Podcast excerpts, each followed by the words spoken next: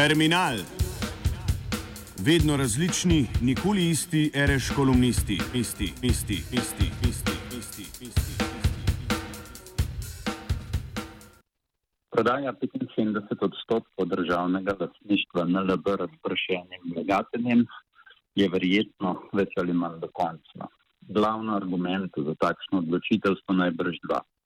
Prva je zaveza Evropski komisiji, da bomo banko po izvedeni sanaciji v nekaj letih prodali. Drugo pa dokaj prisotno prepričanje, da državno lastništvo banke omogoča klientelizem, korupcijo in da se bomo slejko prej zopet srečali s kako novo sanacijo.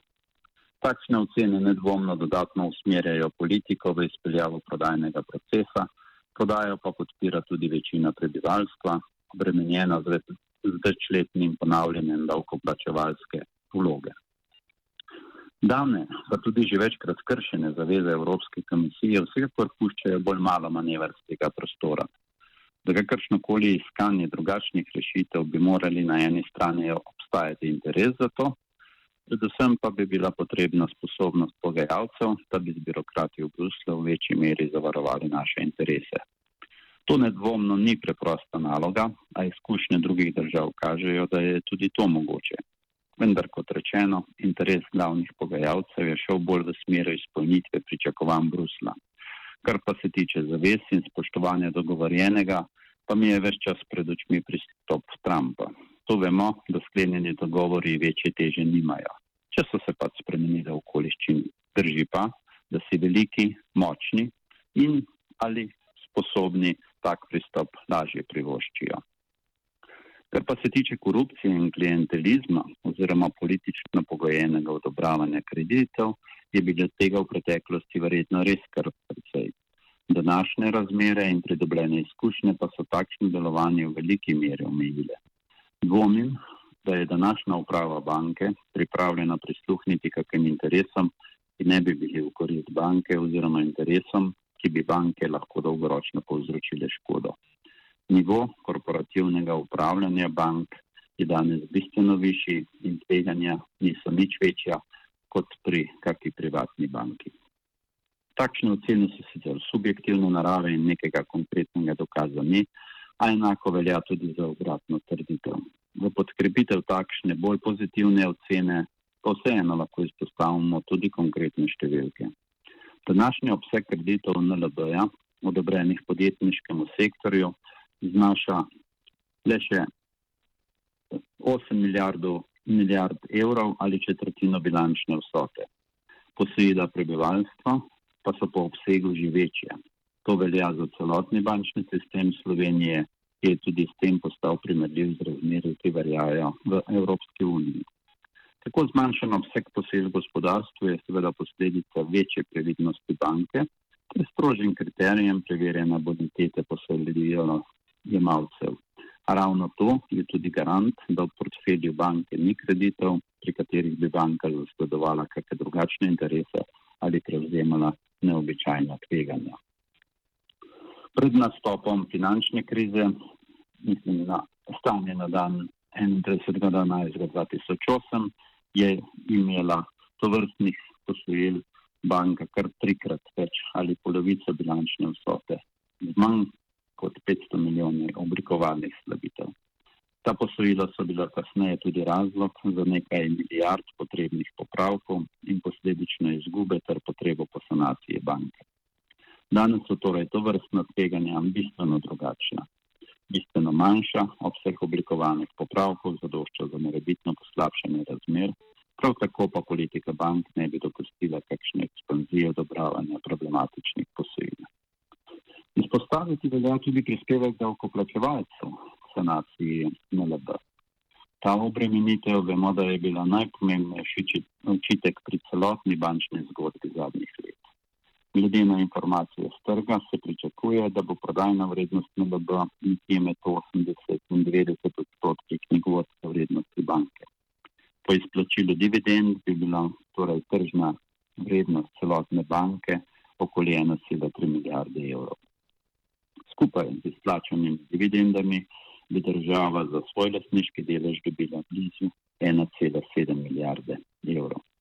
Vemo, da je država v času sanacije decembra 2013 v NLB vložila 1,55 milijarde evrov. Vložek bi bil torej povrnen.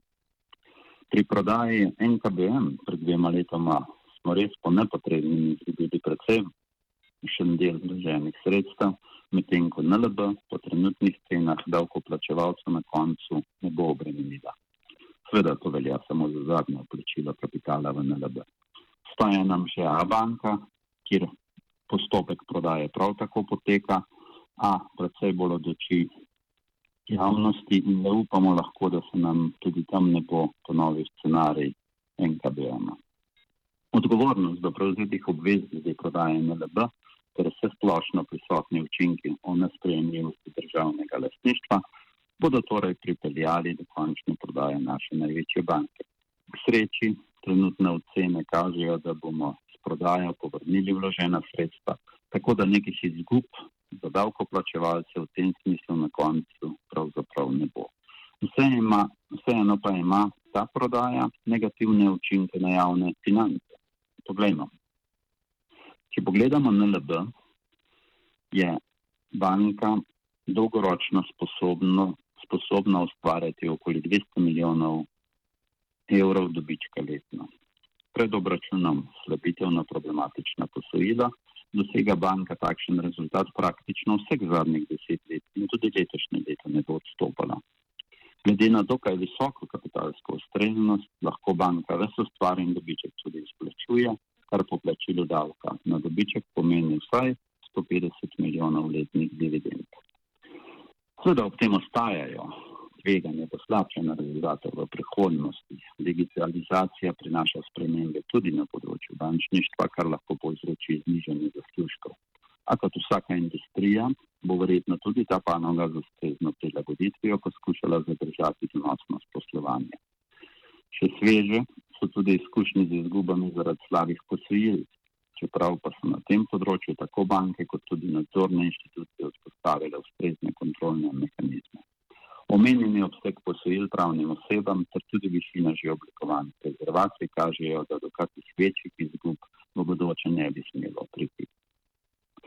S prodajo banke bo torej državni proračun izgubil letni priliv dividend v višini denimo 150 milijonov evrov, predpostavljam namreč, da uh, prodajo banke v celoti, glede na predvideno zadržanje 25 odstotkov banke, ko se ena delnica, uh, pa bodo številke za četrtino nižje. Na drugi strani pa bomo sprejeto kupnino, torej 1,3 milijarde, znižali javni dolg in letno plačali okoli 20 milijonov manj obresti. Če torej gledamo samo finančni vidik, se bo s prodajo proračunski rezultat v bistvu poslabšal za najmanj 130 milijonov evrov ali na celih 3 odstotka bruto domačega proizvoda. Pri argumentih za in proti prodaje banke bodo seveda vedno prisotna različne gledanja. gledanja. Gledano samo z finančnega vidika pa bi se upal trditi, da je rezultat dokaj učiten in sicer negativen za javne finance. Donosnost banke je, in bo pomembno više, kot znašajo stroški zadolževanja države in ta razlika se pač odraža v posledično slabši proračunski sliki, če donosno naložbo zamenjamo s poceni posojilom. Mišljeno je namreč, da na premoženski strani znižujemo donosno naložbo, na dolžniški pa poceni posojila. Slednji argument seveda lahko razumemo, da je za državo prodaja banke tudi po predvideni ceni, da nima 1,3 milijarde za 100 odstotno lastništvo, slaba poteza. Glede na visoko donosno sredstvo vloženih v banko je menjava takšne naložbe za posojilo z eno odstotno ali nekoliko višjo obrestno mero pač neracionalna.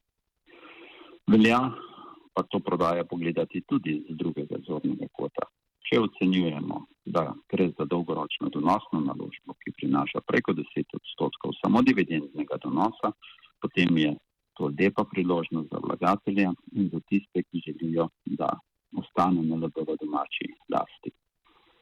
Predlagani način prodaje in jim namreč omogoča, da preidejo od besed k dejanjem in odprejo denarnice, je zapisal nek komentator v delu.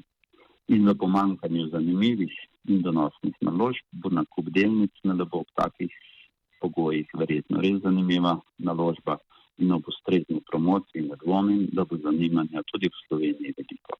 Mogoče celo več, kot bo predvidenih delnic za domače kupce. Terminal Kordežbine.